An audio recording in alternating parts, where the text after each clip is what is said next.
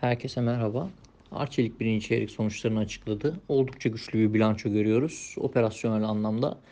Ee, Buna göre de net karda ilk çeyrekte yıllık bazda %327'lik bir artış görüyoruz. Piyasa beklentisinin yaklaşık %40 üzerine çıkıldı.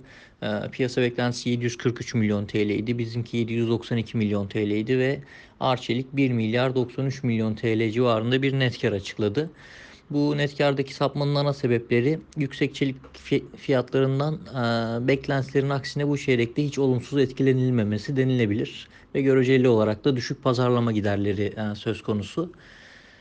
E, güçlü iç talep devam ediyor. Avrupa bölgesindeki güçlü satışlar da devam ediyor ve TL'nin de geçtiğimiz seneye göre e, değer kaybı aslında şirketin e, operasyonel olarak oldukça güçlü bir e, bilanço açıklamasına sebep oluyor. Brüt kar marjı da envanter optimizasyonu sayesinde e, yüksek seyretmeye devam ediyor. E, kapasite kullanım oranı hem yıllık hem çeyreksel bazda e, oldukça iyi seviyelerde. Yine iyileşme söz konusu. Operasyonel giderler satışlar oranına baktığımızda da yıllık bazda yine iyileşmeler görüyoruz. Çeyreksel bazda da iyileşme görüyoruz. Bu tarafta oldukça olumlu. Net borç tarafına baktığımızda ise şirket ilk çeyrekte e, biliyorsunuz temettü ödemesi yaptı. E, buna bağlı olarak da bir miktar e, nakit çıkışı oldu. İşletme sermayesi tarafında da nispeten yüksek bir ihtiyaç görüyoruz birinci çeyrekte. İç talep çok güçlü olduğu için stok seviyesinin özellikle yüksek tutulduğunu görüyoruz ve tahsilatlarda da bir miktar e, gecikmeler görüyoruz aslında. Buna bağlı olarak da e, net borç tarafında bir yükselme görüyoruz. %79 e, civarında bir çeyreksel bazda artışı var. Bunun geçici olduğunu düşünüyoruz dönemsel. Bu sebeple bu tarafta bir risk görmüyoruz. Net borç FAVÖK oranı 1.0x'ti. 1.4x seviyesine geldi.